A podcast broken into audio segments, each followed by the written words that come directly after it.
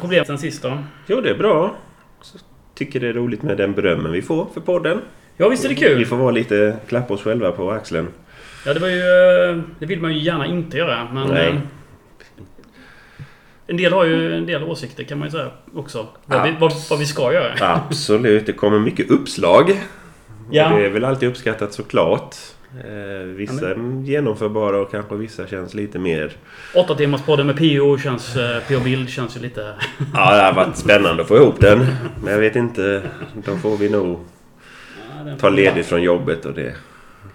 Nej, det gör vi kanske inte. Nej, men det är kul och eh, många av de förslagen som har kommit in har vi väl också tänkt på Att det kan eventuellt. Bli... Kanske. Kanske. Vi lovar ingenting i den här podden för då blir folk så arga. Men vi lovar ingenting. Vi lovar ingenting, eh, så är det. Vi hör vad ni säger men... Ja.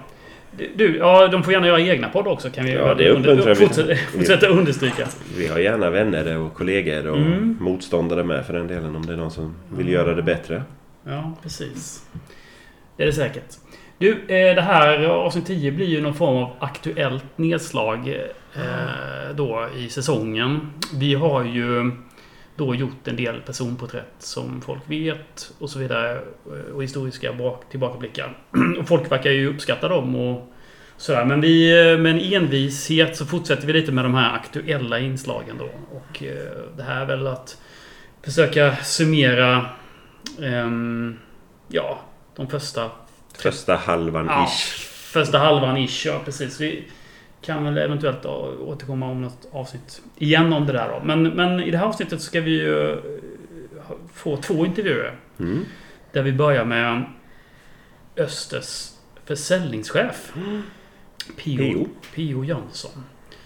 Och ja, nej, vi spelar väl upp den. Tycker Nu. jag.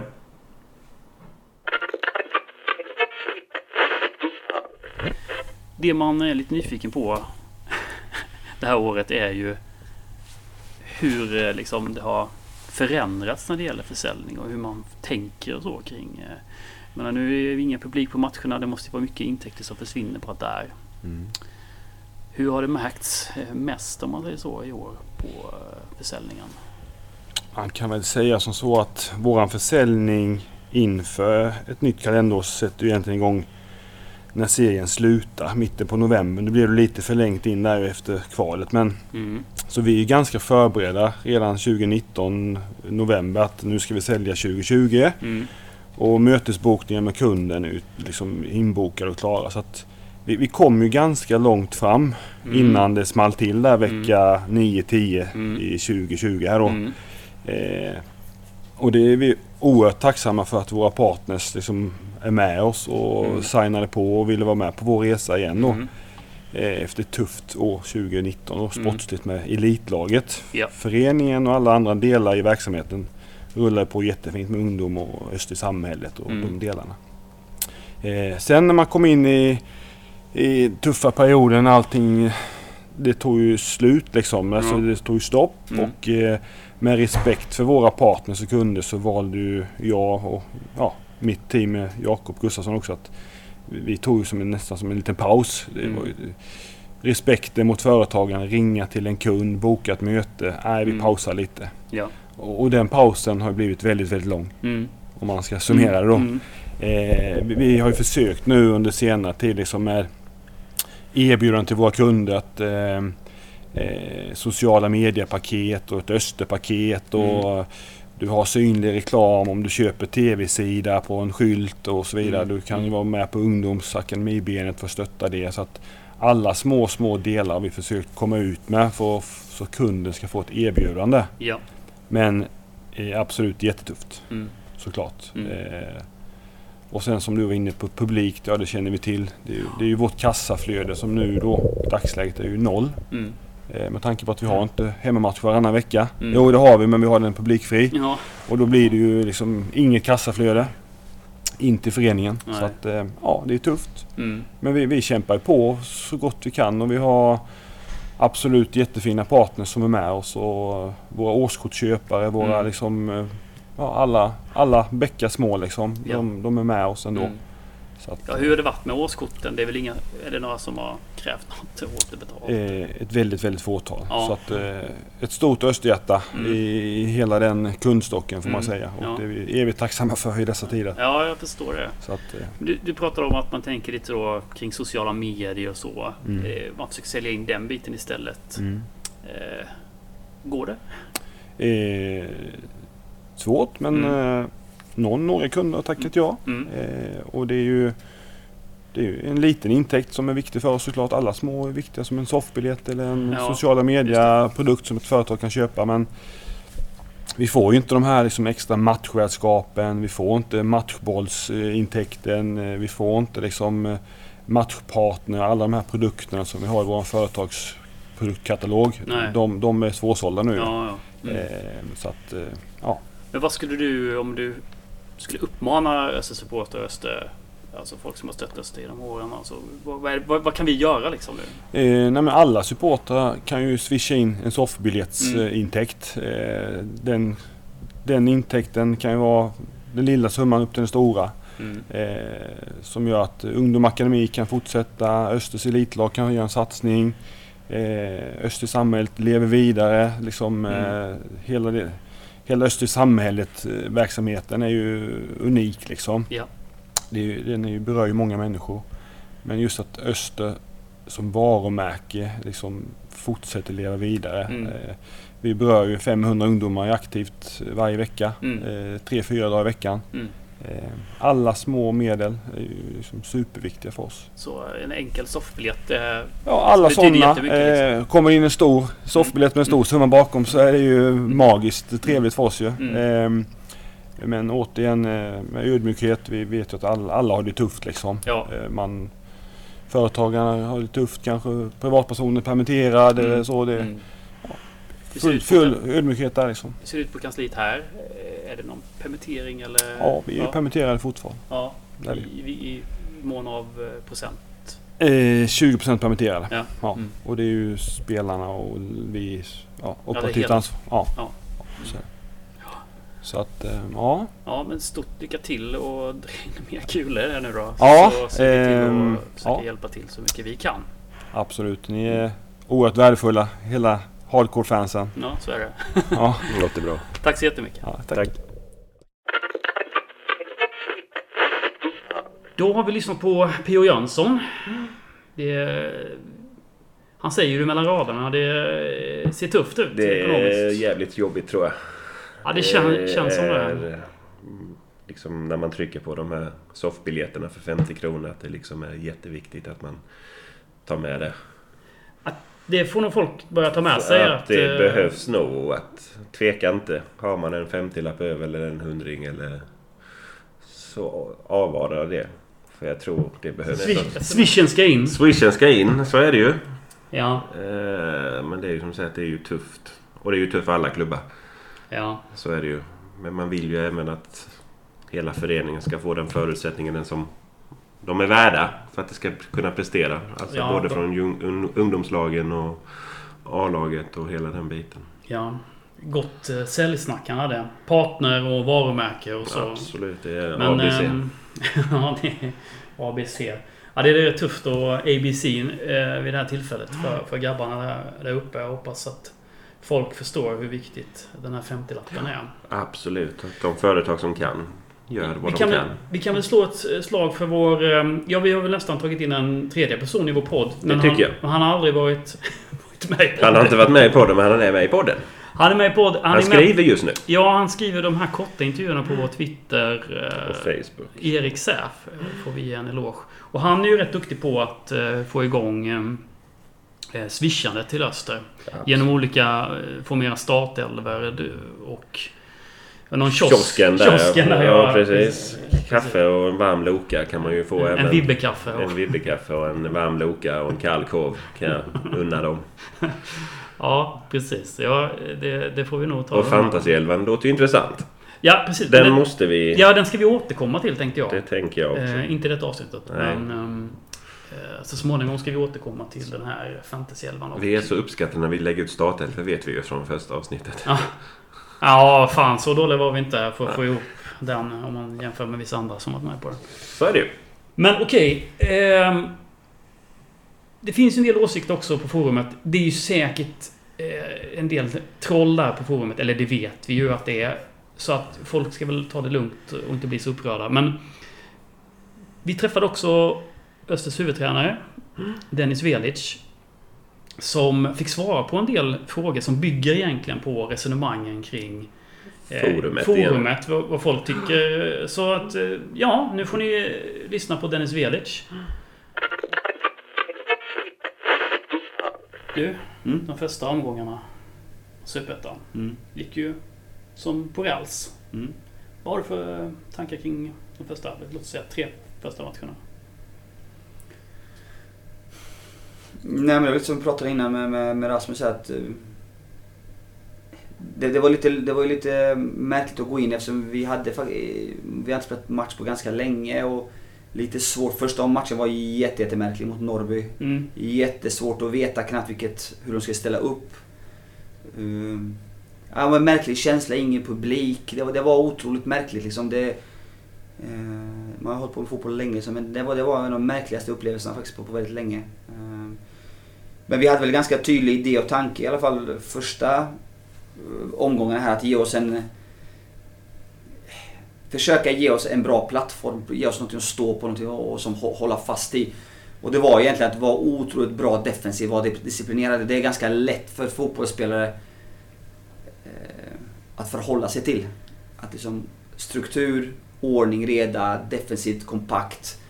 Eh, försöka hålla nollan så mycket det går. För så länge du håller nollan och du som är bra bakåt så har vi så pass mycket kvalitet att vi kommer ju hitta något läge. Sen gäller det såklart att ha lite tur och vara lite klinisk. Och göra. Det var egentligen det som var planen. att eh, Första fem, om vi som delar upp det, första fyra, fem gångerna det är liksom det vi går på. Mm. Så får det som sätta sig lite, då får vi lite mer, mer material att jobba med. Både våra egna matcher, titta hur det ser ut.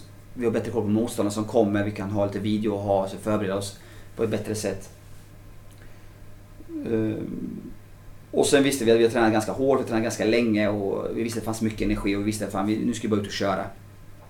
Skitsamma hur det ser ut lite grann. Mm. Vi la som ingen Ingen värdering i att det måste se snyggt ut, att vi måste ha massa possession eller att vi måste ha ett visst antal passningar eller det måste se ut på ett visst sätt utan eh, vissa grundprinciper. Och sen var det bara som ut och, och hålla fast vid det. Eh, och sen är det så, mm, tur och skicklighet som får, fick vi med oss resultaten och det är ju absolut inga jättebra prestationer om man ser eh, matcherna i sig.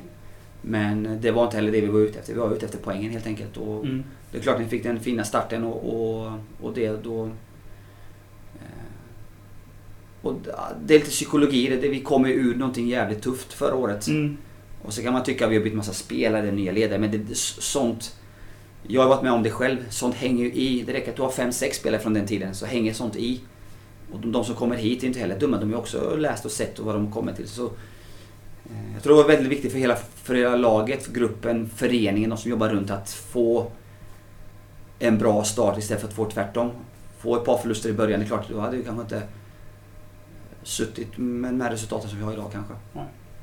Det såg ju bra ut. Alltså det var en lång försäsong så de var ju spelsugna. Ja, ja absolut. Nej, men så är det. Och Det var mycket matcher där och vi, vi förlorade mot Kalmar i första träningsmatchen. Efter det förlorade vi inte och släppte in inte, inte ett enda mål på hela försäsongen, förutom Kalmar då.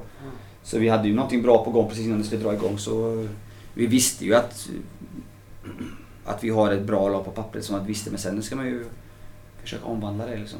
Få den där spelidén. Det där Mm. destruktiva spelet är ju lite lättare än det... Alltså Precis. så är det ju. Ja, men så är det. Man får vara Det- lite cynisk att ibland är det det destruktiva spelet som är lättare att sätta. Ja, Och då kommer poängen.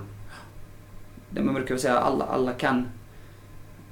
Alla, på den här nivån vi är på så kan ju alla springa och jobba hårt och som slita. Så är det och det är egentligen det du måste ha i grund. Och det var inte det vi gjorde som i början.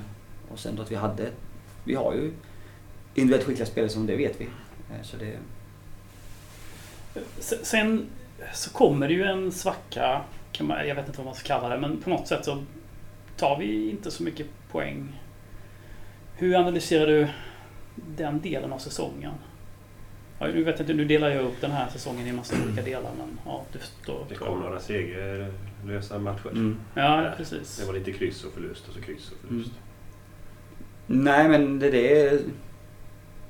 Det är ju svårt för det är oftast inte logiskt. Jag tycker som sagt under den här perioden när vi inte tar så mycket poäng så tycker jag vi börjar spela en bättre fotboll och börjar spela lite mer så som vi vill spela. Mm. Men vi tar liksom inte poängen. Nej.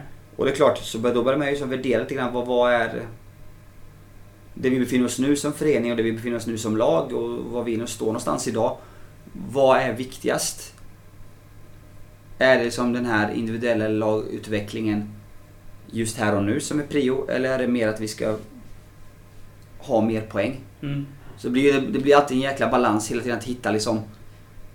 Vi vill spela fotboll kanske på ett annat sätt och vi vill utveckla vissa saker. Och sen samtidigt, vi vill ha så pass mycket poäng att vi inte känner att vi behöver hamna där vi hamnade förra året. För det är ju någonstans ändå det som är i slutändan det helt avgörande för oss.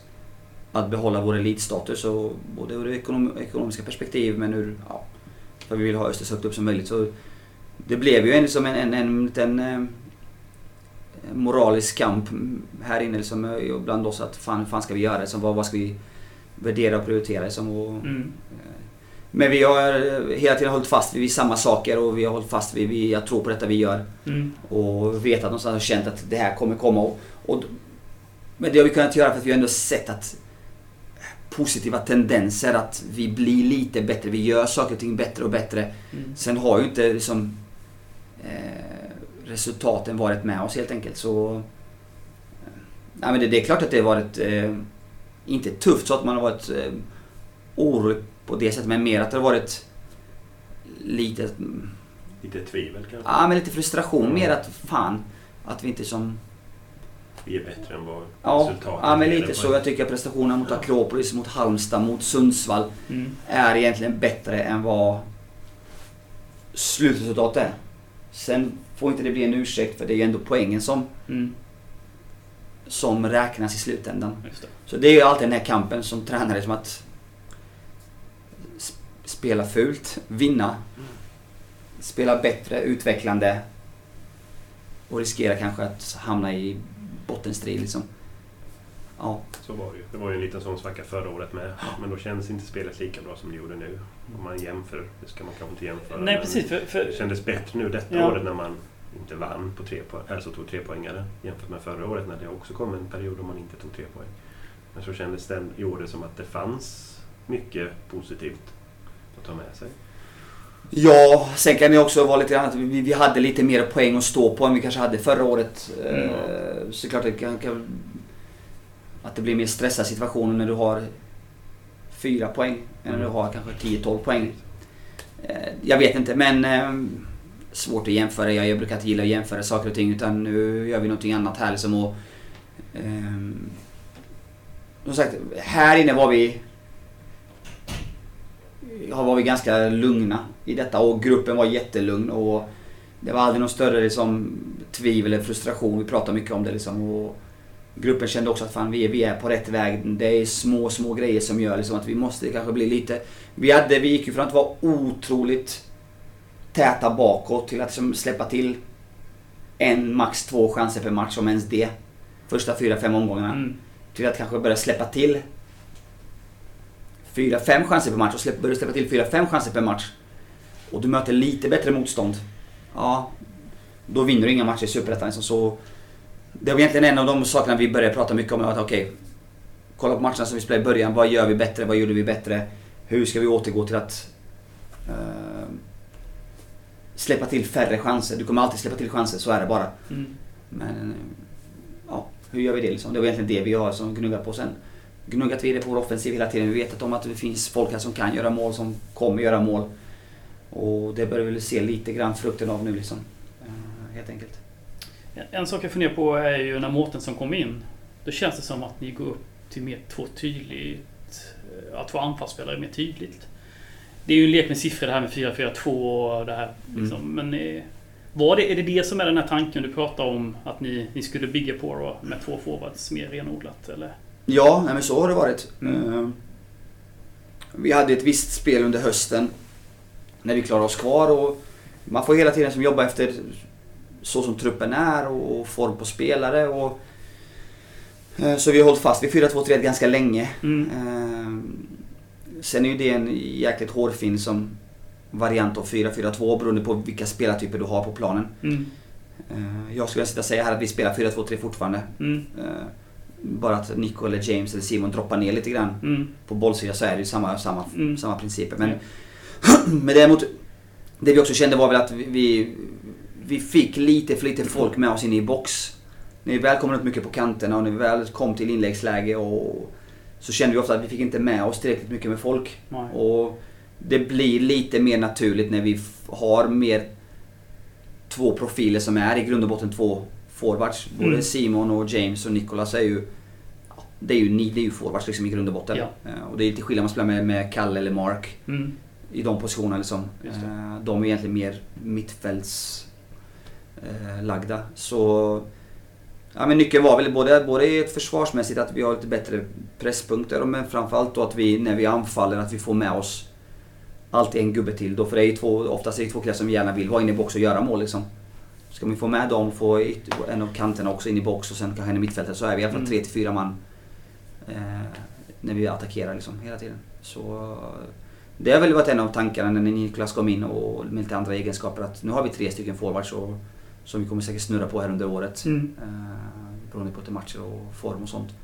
Så nej men vi har väl gått över till att vara lite mer ja, åt 4-4-2 hållet liksom. Mm. Det finns, det finns ett par saker som, man ska säga, någon form av vattendelare. Jag tänkte vi skulle prata lite om dem. En sak är valet mellan James Keen och Simon Alexandersson. Mm. Alltså, James spelade ju de eh, första matcherna i alla fall. Mm. Hur, hur liksom resonerade du kring det valet? Det är säkert eh, inte ett lätt val, men hur tänkte du kring fördelar och nackdelar med, med, med Simon och James? Alltså i början på säsongen var det, var det jätteenkelt val. Mm. Och det, det är kanske inte många som vet det, det borde man kanske inte. Men Simon har haft, han har ju haft ett jättebesvärligt för, alltså försäsongen var jättebesvärlig för honom. Mm. Simon skadade sig egentligen första träningen när han kom till oss. Mm. Första träningen i januari. Fick han problem med knät, en överansträngning i knät eftersom Mm. han var så... Han var ambitiös och löpte mycket under uppehållet Mm. och snedbelastade så första träningen efter 45 minuter fick han kliva av. Så var han borta i nästan fem veckor på det. Ja. Tills han började träna igen och så åkte Mm. på träningsläger. Och då hade han varit igång ett par veckor men då blev han ju sjuk ganska så kraftigt så han gick ju ner typ 4-5 kilo och var nästan avsvimmad.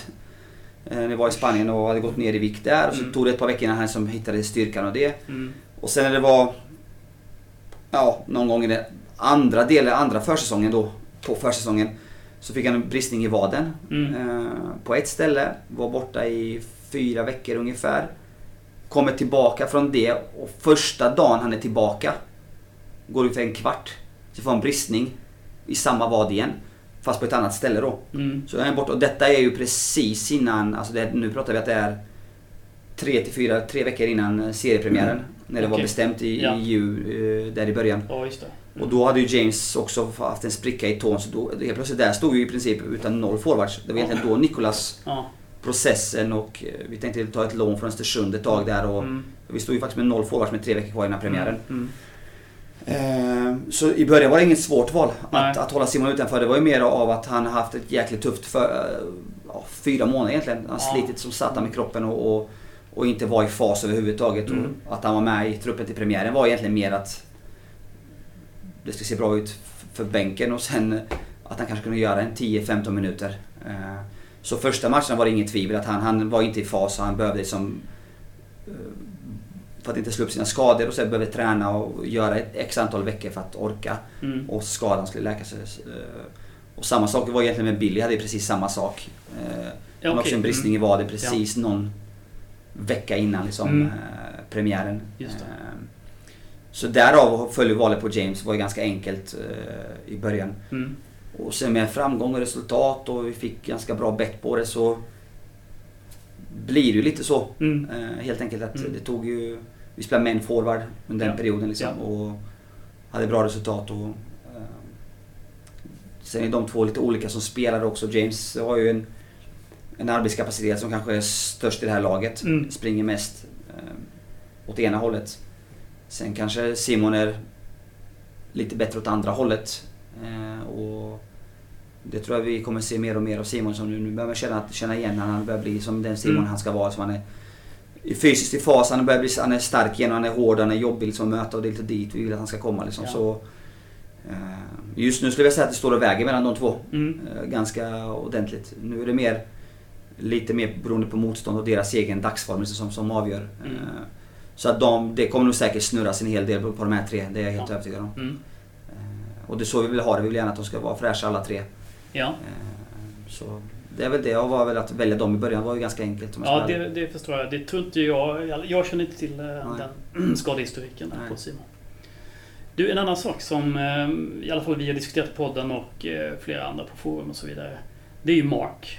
Mm. Att han, och det här ser ju du mycket bättre än vad vi gör då givetvis, men att han försvinner ur matchbilden lite. Att han gjorde det från början. Mm. Hur upplevde du hans... Nu han har varit skadad här nu de Ja. senaste matcherna, men hur upplevde du hans eh, första matcher? För han fick ju förtroende. Mm. Nej men alltså Mark är en spelare som vi, vi tror stenhårt på. Och jag tror att han kommer vara en, en av våra absolut viktigaste spelare framöver här. Mm. Eh, en spelare som, som kanske har en annan, lite annorlunda spelstil och som kanske inte riktigt alltid syns. Det är den nyttan han gör för oss liksom. Men eh, en otroligt begåvad fotbollsspelare som, som gör andra mycket, mycket bättre. Han, han är klok, han är smart.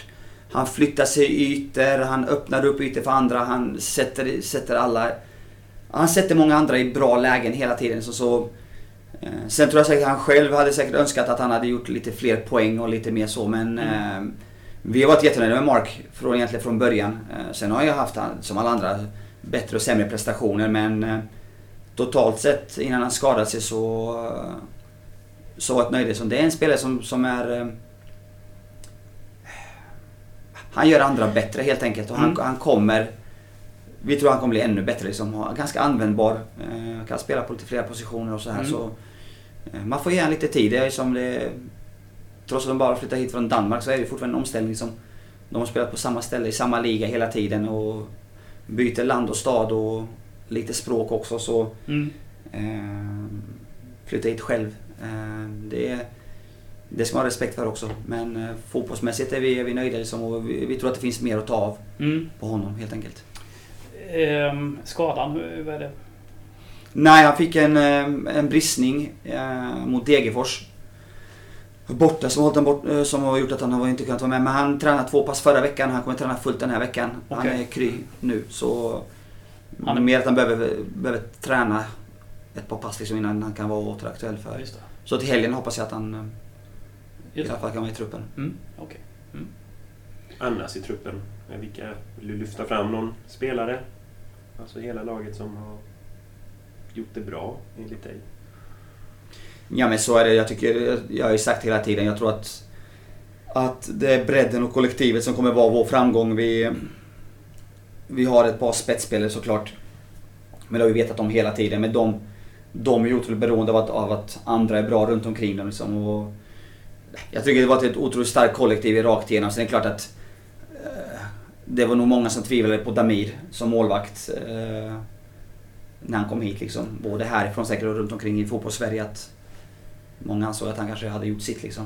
Eh, men där gjorde vi ett ganska noggrant analysarbete eh, på honom och träffade honom.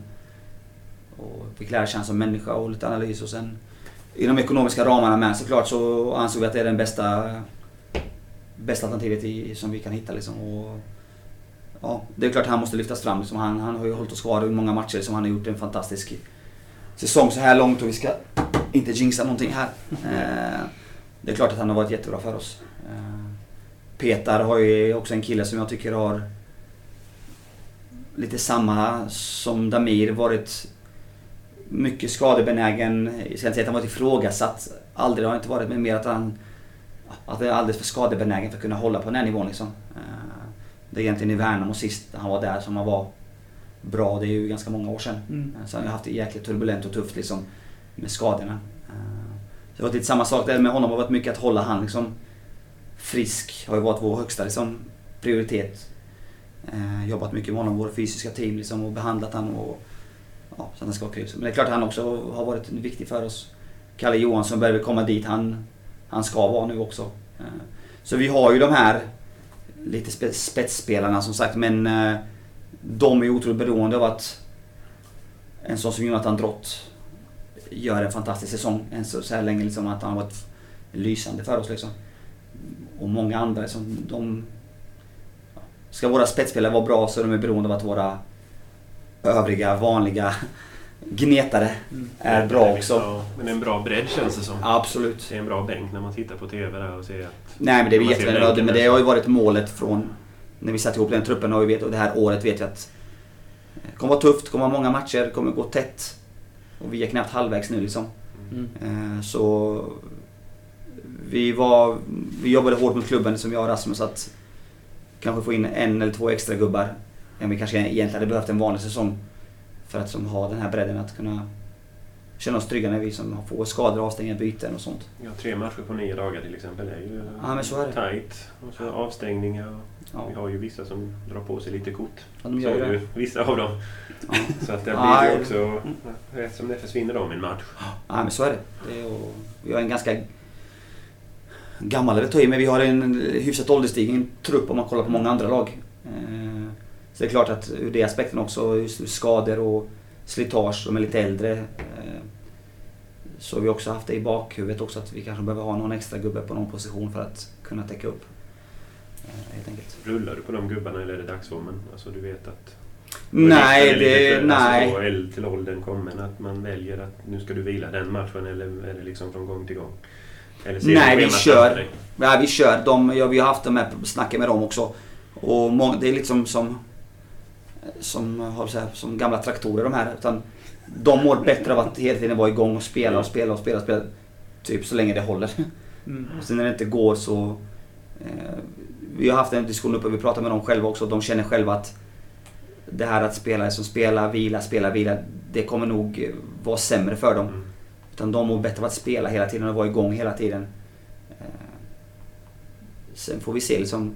Men sen försöker vi liksom anpassa veckorna istället. Mm. Kanske stå över något pass som är tufft och göra något annat. Eh, Bara cykla eller bara vara i gymmet eller få behandling. Alltså, och det får man ha respekt för. Liksom att eh, alla kan inte riktigt behandlas på samma sätt. Vissa är ju 18, 19, 20 Mm. och vissa är 35 plus liksom. Och, eh, ibland har man gjort sig förtjänt efter en lång och trogen säsong och karriär att få vila lite extra. Och det, det är väl lite så vi har gjort men matcher och sånt känner de att de, de gärna vill spela så mycket de går. Om de är i form och vi anser att de ska spela. Så vill de ju hellre spela än att vila liksom. Det låter väldigt klokt. Ja, det, Utifrån, tycker jag. som sagt, de måste ju känna själva liksom, det här, här är ju också så här. eh, Som tränare ibland är det liksom Du tar ju besluten baserat på det du ser och det du som känner och tror och taktiskt och så här. Men det är ju jättesvårt som tränare att känna liksom vad, vad en person Känner. känner och hur, hur dens kropp mår. Liksom. Utan det måste vara en kommunikation och en ärlighet. Liksom, att, eh, eh, för jag kan aldrig liksom, se igenom hur du egentligen mår. Utan jag kommer gå på det jag ser. Liksom, och, eh, ställa upp, vi brukar alltid säga det, ställ upp. Är du, går du ut på en träning så utgår jag från att alla är 100% liksom. Eh, så, ja. Du, en spelare jag är lite intresserad av är Allen Sejrovic. Jag tyckte hans inhopp mot ÖIS var så jäkla lovande. Då tänker man, jaha, nu får ju han hoppa in då och då. Men det har han inte fått göra sedan dess. Mm. Hur resonerar ni kring, eh, ja, får han, kommer han få mer speltid under hösten här eller? Ja, det är ju vår absoluta förhoppning. Mm. Eh, Fördelen med att ha en bred trupp är ju då som vi var inne på innan. Som jag nämnde att, att man kan byta och, och, och ha en trygghet. Nackdelen med att ha en bred trupp är ju att det är många spelare. Mm. Och det är bara 11 som kan spela. Mm. Och det är bara 18 som kan åka med. Mm. Och när vi nu peppar peppar återigen, inte jinxa, har haft ändå hyfsat få skador Mm. än så här länge. Mm. Så har vi ju i princip 20 till 21 spelare vecka ut vecka in och ta, ta ut. Och Allen är i konkurrens med spelare som Kalle Johansson, Mattias Pavic, Peter Petrovic, Mark Rochester, Alexander Henningsson Mm. och så är det Allen. Mm. Det är ju hans konkurrenssituation. Mm. Eh, så det är klart att eh, den är ju tuff för en ung kille som han. Eh, men eh, vår förhoppning och vår, vår plan är väl såklart att eh, Allen, Viktor Stulic, Mattis Adolfsson Och kanske med någon mer underifrån. Eh, eh, ska spelas in lite grann det här året. Och tanken är väl att de, de är väl lite framtiden här helt enkelt. Mm. Eh, som sagt, vi har en ganska ålderstigen trupp i år. Eh, det är klart att det, det kommer säkert förändras till nästa år. Eh, så för de här killarna gäller det att vara otroligt... Eh, att vara lite tålmodiga. Mm. Eh, de har precis kommit upp i A-laget, både Allen, Mattis och de här. Mm. De har precis signat sina första A-kontrakt och eh, redan fått hoppa in lite grann och vi hoppas som sagt under hösten att vi kan göra en stabil höst och, och lägga oss i en position där vi känner ändå att vi inte behöver ha kniven mot strupen. Eh, så är det klart att det finns stora möjligheter att de här killarna kommer eh, göra ett gäng framträdanden både från start och, och via inhopp. Mm. Det är vår absolut högsta eh, önskan och plan. Att Mm. så. Sen är ju detta fotboll. Balansen återigen som jag pratade om innan att unga, lovande genom speltiden kontra eh, den här stabiliteten, tryggheten att vi ska ta visst antal poäng. Men måste det, måste, det sam, alltså måste det vara samma sak liksom? Nej, det behöver Ålder absolut och- inte och vara. Absolut inte vara. Utan det är, nej, absolut inte. Utan det här handlar bara om ren, ren konkurrenssituation. Liksom. Mm. Som jag nämnde, Allen konkurrerar ju med, med de här spelarna. Mm. Så det är ju, ska Allen spela så måste han ju slå ut Petar, Kalle, Mark, eh, eh, Pavic. Mm. Eh, och det är ju killar som presterar ganska bra fotboll för oss just nu. Liksom. Så det är Mm. klart att det är ju det han har att konkurrera med. Och, ehm, det är ju svårt för mig också att motivera för de här killarna, Kalle, Petar, Pavic, att nu ska Allen spela bara för att han är ung. Mm. Kalle är ju inte skitgammal heller liksom. Nej, precis. Så som Skillnaden när man nu kommer i ett A-lag kontra att spela ett U19-lag det är att helt plötsligt när du är U19 så konkurrerar du med killar i samma ålder, kanske ett år äldre så här. Mm. När du kommer i ett A-lag så konkurrerar du med killar som kanske har ganska stor, lång erfarenhet från den nivån och har varit på den nivån länge och kanske är en bit längre fram. Så det är klart att konkurrensen är jäkligt tuff för honom här och nu. Men med det sagt så är jag helt övertygad om att Allen kommer vara en ordinarie fotbollsspelare i Östers IF inom snar framtid. Mm. Han lägger eh, otroligt mycket träningstimmar. Mm. Både innan och efter träning. Han är så välförberedd man kan bara vara i den åldern. Och har egenskaper som är jätte- jättespännande. Så klart att han kommer ju... Eh, han kommer vara nyttig för oss. Mm. Det är jag helt säker på. Och det är lite dit vi måste komma. Plocka fram de här Ja. Egna killarna som kommer underifrån. Så vi, som, vi, vi ska inte behöva värva Nej. den typen av spelare. Vi kommer alltid behöva värva säkert spetsspelare och, och, och toppspelare och så här, men vi måste börja producera någon spelare per, per kull per år. Ja. Eh, Från egna leden och fylla på liksom. Mm. Och, eh, och det tycker jag vi har väl lyckats med hyfsat sista tiden här nu. Både med, om man tittar förra året med för, för Viktor Stulic har kommit upp liksom, Mm. och Filip Örnblom är Mm. där. Och Ja. Nu har vi Mattis Allen Ja. eh, där uppe liksom. Så det är väl ungefär det snittet vi vill Mm. nu har vi upp en... Det finns några till U19 men vi har en otroligt spännande kille nu som är född 05. Mm. Som gör sin första träning med oss idag. Eh, Ja, namn. Montander. Mm. eh, Monte. Eh, Som är född 05, vet inte vad man gammal är, är 15 bast. 15, ja, då, ja. Eh, Och det är klart, han är... eh, Ja, nej det är lite exceptionellt. Han är, har egenskaper som är otroligt intressanta så. Ja, kul. Är det en mittfältare eller? Ja, en offensiv eh, kantspelare. Som, så vi har, vi har väl lite, lite, lite spännande killar på gång som sagt men... Eh, man bör vara lite försiktig både för deras skull och för, för allas skull. Som att eh, det är inte bara att skutta över och hoppa in och spela. Liksom. Så funkar inte Nej. den här branschen. Och jag vet att många säger men kolla på, ja, inte vet jag, Elfsborg har någon och kolla Mm. på dem har någon och så här. Mm. Ja. Så är det. Alla har säkert någon här och där men ehm, eh, då ska man veta hur många försvinner på resans gång de kommer upp. Vi har haft ganska många exempel här nu. Liksom, Mm. killar som varit otroligt framgångsrika och så kommit upp och gjort lite dundersuccé från början och sen har man inte riktigt orkat hålla i det och så har man liksom då st- stagnerat lite grann och nästan tappat lite lusten. Det blir, Mm. det blir ganska tufft liksom för dem Mm. att komma upp och träna på elitnivå. Eh, och lägga undan kompisar och, och saker och ting vid sidan av. Och, ja, vi har haft några, några sådana exempel sista åren också som har kommit ganska hårt från början och, och fått mycket uppmärksamhet och sen inte riktigt orkat mentalt palla med det liksom helt Ja. enkelt och hamnat i lägre divisioner runt oss Mm. här. För jag kollade på Elmo Dalineri här om veckan när de mötte Syrianska och där... Eh, där är det en hel drös för detta öster, lovande österfotbollsspelare Ja, ja, som, som spelar i laget. Visst, så Eh, så det är... Det är få som tar steget fullt ut kanske. Det är få som tar steg, men sen måste man hjälpa dem också. Mm. Man måste, man måste hjälpa de här killarna att Ibland ska man skydda dem kanske. Ja, men lite så. Man måste hjälpa dem att inte som eh, folk runt omkring och allting. Så det, blir, det går väldigt fort. Jag har ju själv suttit där, jag har själv gjort den resan och jag hamnar i Hässleholm. Ja. Ehm, ja. Den är mycket, mycket tuffare och det, det, det ser bättre ut när alla ser liksom, som sagt återigen. Det blir så felfokuserat när man ser, ja men det finns någon i Brommapojkarna, det finns någon i Brage och så. här. Absolut. Och det, vi kommer också ha det. Mm. Men det är oftast eh, långa processer. Ja. Eh, för de ska verkligen vara redo för detta och kunna hantera det på många plan. Inte bara, det är inte bara gå ut och spela fotboll. Du ska kunna hantera saker. Du ska kunna hantera det dag ut dag in. Liksom. Mm. Hantera sju matcher i rad utan seger. Ja, men lite så. Och poängen börjar liksom neråt och man ska... Man blir lite överambitiös kan jag tänka mig i vissa offensiva ungdomar. Alltså så. Nej men så är det och det är, som det är klart. att Det är ju, vi lever i en jäkla... Fotbollsvärlden har blivit jäkligt märklig. Den har ju ändrats jättemycket sen bara jag var ung. Liksom, och alla har agenter och alla har rådgivare och det finns massa folk runt omkring som tutar i de här killarna. Förlåt men en jävla massa saker. Mm. eh, om andra klubbar och pengar och... Ja men du vet. Eh, så det är klart att det gäller någonstans att sortera ut det med dem. Vad, vad är viktigt? Vad är vad?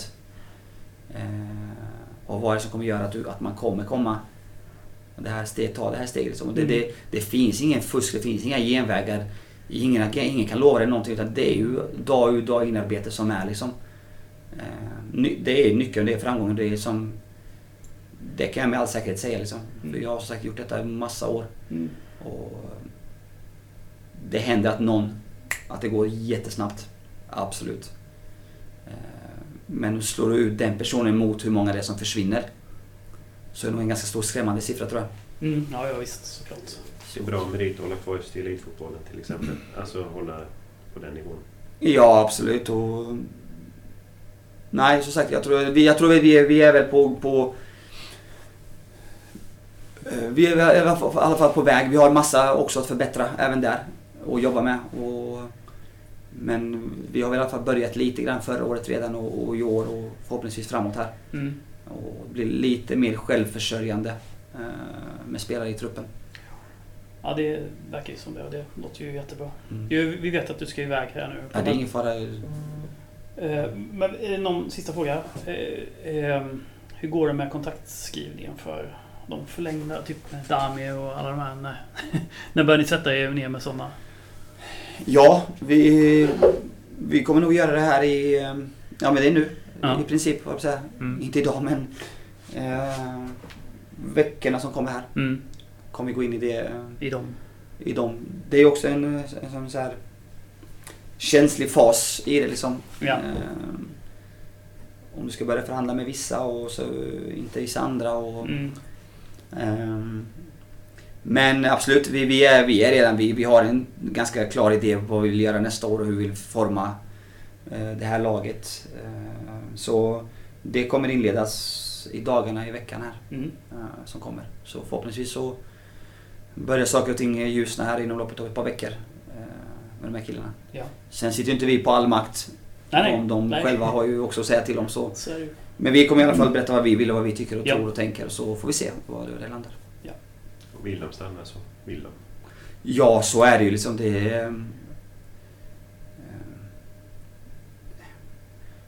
det här att det här att spelare kvar i föreningar i, i långa, långa perioder blir ju mer och mer sällsynt. Eh, Generationer för, för, för, förändras och som jag var inne på det med agenter och flytta folk till högre. Det, det har ju också påverkat liksom. Mm. Men eh, vi kommer enbart vilja ha spelare som vill vara i Östers IF och så vill göra ett bra jobb här. Vi kommer inte stå i vägen för någon. eh, Utan, utan att låta liksom så så... Det är, det är en stor marknad. Det är en stor, stor marknad liksom. Och Corona har också påverkat lite grann så det är klart att det finns... Eh, finns mycket spelare att tillgå. Vi får ju säkert 15 till 20 mail i veckan. Eh, från alla världens hörn liksom, om spelare. Mm. Eh, och det ringer från om det är toppagenter i, i Sverige och så här som ringer av sig och sen är det ju hela vägen ner till någons bror eller, eller farsa som ringer och hör av sig och spelar. Så det, eh, men eh, det, är, det är en liten djungel där, det gäller att sortera. Det kan inte vara jättelätt. Nej, så är det. det är, som sagt, det kommer väldigt mycket och det kommer från alla håll och kanter. Det är svårt att verifiera allting också, liksom vad som är vad och inte vad. Liksom. Ja, eh, så man får jobba med det man, man vet är bra. Är det du som tar de här uh, mejlen nu eller? Ja, de flesta kommer nog till mig. Jag tror att jag hade på min första dag som på jobbet när jag kom hit hade jag över jag hade 900 någonting mail om Ja. bara fotbollsspelare. Eh, Så, men det kommer mycket till mig, det kommer även till Rasmus, det kommer även till Vibbe. Det kommer ju. Mm. eh, De skickar ju ganska brett och vitt och hoppas att någon ska liksom Ja. eh, nappa. Så, men till slut så sammanstrålar alltid hos mig och Rasmus här så går vi, försöker vi rulla igenom så mycket vi kan. Sen har vi väl vår egen liksom, lista egentligen hur vi vill Mm. jobba. Vi vill gärna jobba åt andra hållet. Eh, Vi har en ganska klar bild och en lista på kanske ett, ganska många spelare som vi vill gärna i så fall jobba mot. Ja. Eh, Så, Så det med nuvarande, jag tänker på en förlängning här. Vi har en ordinarie startelva spelare som inte väljer att förlänga kontraktet här nu. Mm. Jag säger att 2021 så går jag någon annanstans. Mm. Hur tänker man runt en sån spelare att ta ut under hösten i startelva? Nej, Det är en bra fråga. Jag har, jag har aldrig varit eh, speciellt liksom, så eh, att man ska bestraffa någon för det. Utan man får respektera att vi har ju kommit över, överens om ett avtal. Och det avtalet gäller fram till Ja, Sista december. Ja. Och det är ju som på vilken arbetsplats som, som helst. Har en arbetsgivare och du som ska byta jobb. Men du har tre månader kvar på din, din, din tjänst. Så förväntar sig nog arbetsgivaren att du ska göra ett bra jobb. Och du förväntas också vara välkommen att göra ett bra jobb. Och man vill säkert göra ett bra jobb eh, hela vägen ut. Så, eh, men det är klart, skulle det stå och väga 50-50 mellan en spelare som, som kommer vara kvar hos oss eller en ung kille som ska vara här mot en. Det är klart att då får man ju ta, ta en funderare på, kring det. Liksom. Men eh, i övrigt så är jag inte... Utan man respekterar avtalet båda håll liksom, och jag tycker att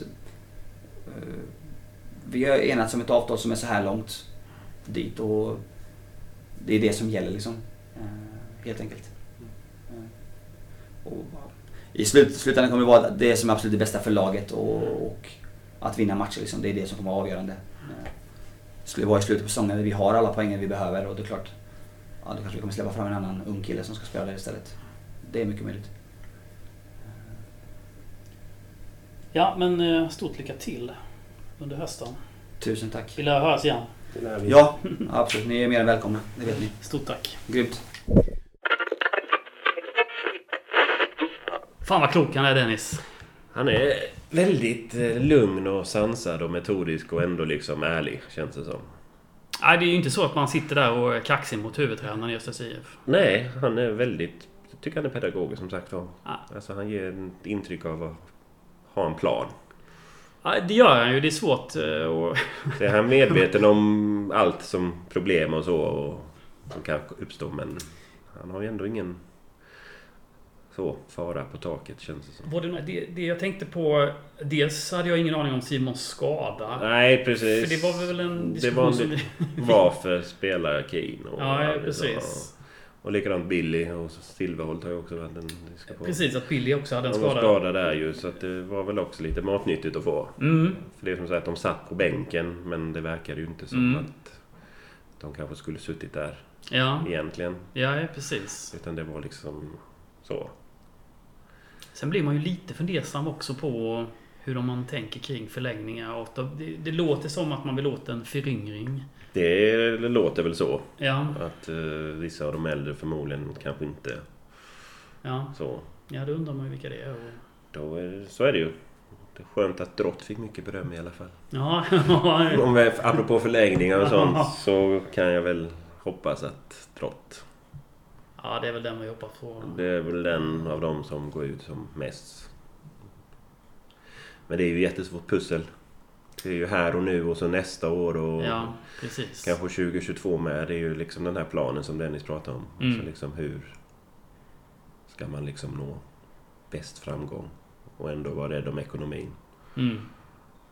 Eh, och det är lite mer ÖSAB och det med ju. Alltså det tänket får man ändå ha även om inte ÖSAB är aktuellt så. Så, Alltså ekonomin blir ju helt eh, avgörande naturligtvis. så är det ju. Man vill ju köpa billigt och sälja dyrt när man är i Östers Ja, position i näringskedjan. För så är det ju. så är det ju för tillfället. Det, det, det låter ju inte heller på Dennis när han pratar som om att de siktar, alltså de siktar säkert mot toppen men, men de är ju, verkar vara rätt nöjda liksom med en sjätte, sjunde plats Mm. Fyra lag bakom. Ja. Det är min favorit. Jag tycker det är skönt. Har vi det så är vi nöjda. ja, Så är det. Men sen pratar han ju sig också varmt med det här med att lyfta upp en junior då från... Ja, just det. Jag var på honom lite där med Sahirovic som Ja. jag tyckte var imponerande när han kom in med. Man förstår ju liksom att han konkurrerar. Men eh, nu sa jag inte det till, eh, till eh, Dennis då, då, men jag tycker han knackar på dörren. Ändå. Det gör han ju. Verkligen. ja. Absolut. Och förhoppningsvis får han lite chanser. Ja. Sen hoppas man ingen blir skadad. Men avstängningar Nej, kan nej, det ju bli. precis. Och tre matcher på nio dagar säger ju sig själv att har Ja. man en ålderstigen trupp så kan det behövas lufta lite. Mm. Eh, Och får man med sig resultaten och poängen så är det ju lättare att släppa fram någon. Mm. Så är det ju. Ja, så är det ju. Ja, vi får se. Ehm, Men Om 15 omgångar så kanske vi har sett våra yngre förmågor också att spela. kanske en helt ny medelålder på startelvan i november än vad den är nu. Ja, det, återstår att se. Men han resonerar ju klokt att låt spelarna, de äldre, spela. Och så kan de sitta och cykla istället för att köra intervallträningar och sånt. Ja, Det är precis. väl ganska sunt tänk. Vad kallar han dem? eh, Traktorerna? Ja, traktorerna, gamla traktorer. Så de inte rostar ihop utan de ska tuffa på där. Ja, Och är de trötta så tar de ett gult kort, det vet jag ju. ja, ja. Det har jag lärt mig nu i det här laget att när det börjar vankas att de tar någon, en lämplig avstängning. Känns det som i alla fall. Genom det så. ja vi, får, vi får väl se. Okej. Nej men eh, då tackar vi väl för, för avsnitt 10. För Som blev 10. eh, eh, två, lång- eller ja, en lång intervju i alla fall. Ja. Med Dennis Velic. Men vi tyckte det var den var så pass intressant så att vi, vi gjorde ett enskilt avsnitt. Vi hoppas att det blir bra diskussion på forumet efter Ja. detta. Snart dags att börja swisha den här podden också. Det Kanske? tycker jag. Ja, Vi får kanske. snart lägga ut den kanske. kanske. Eller så, får vi se. vi får se om vi är värda det. Om vi är värda det. Det verkar vi. Ja, tack för att ni lyssnade. Tack, tack. Puss och tack.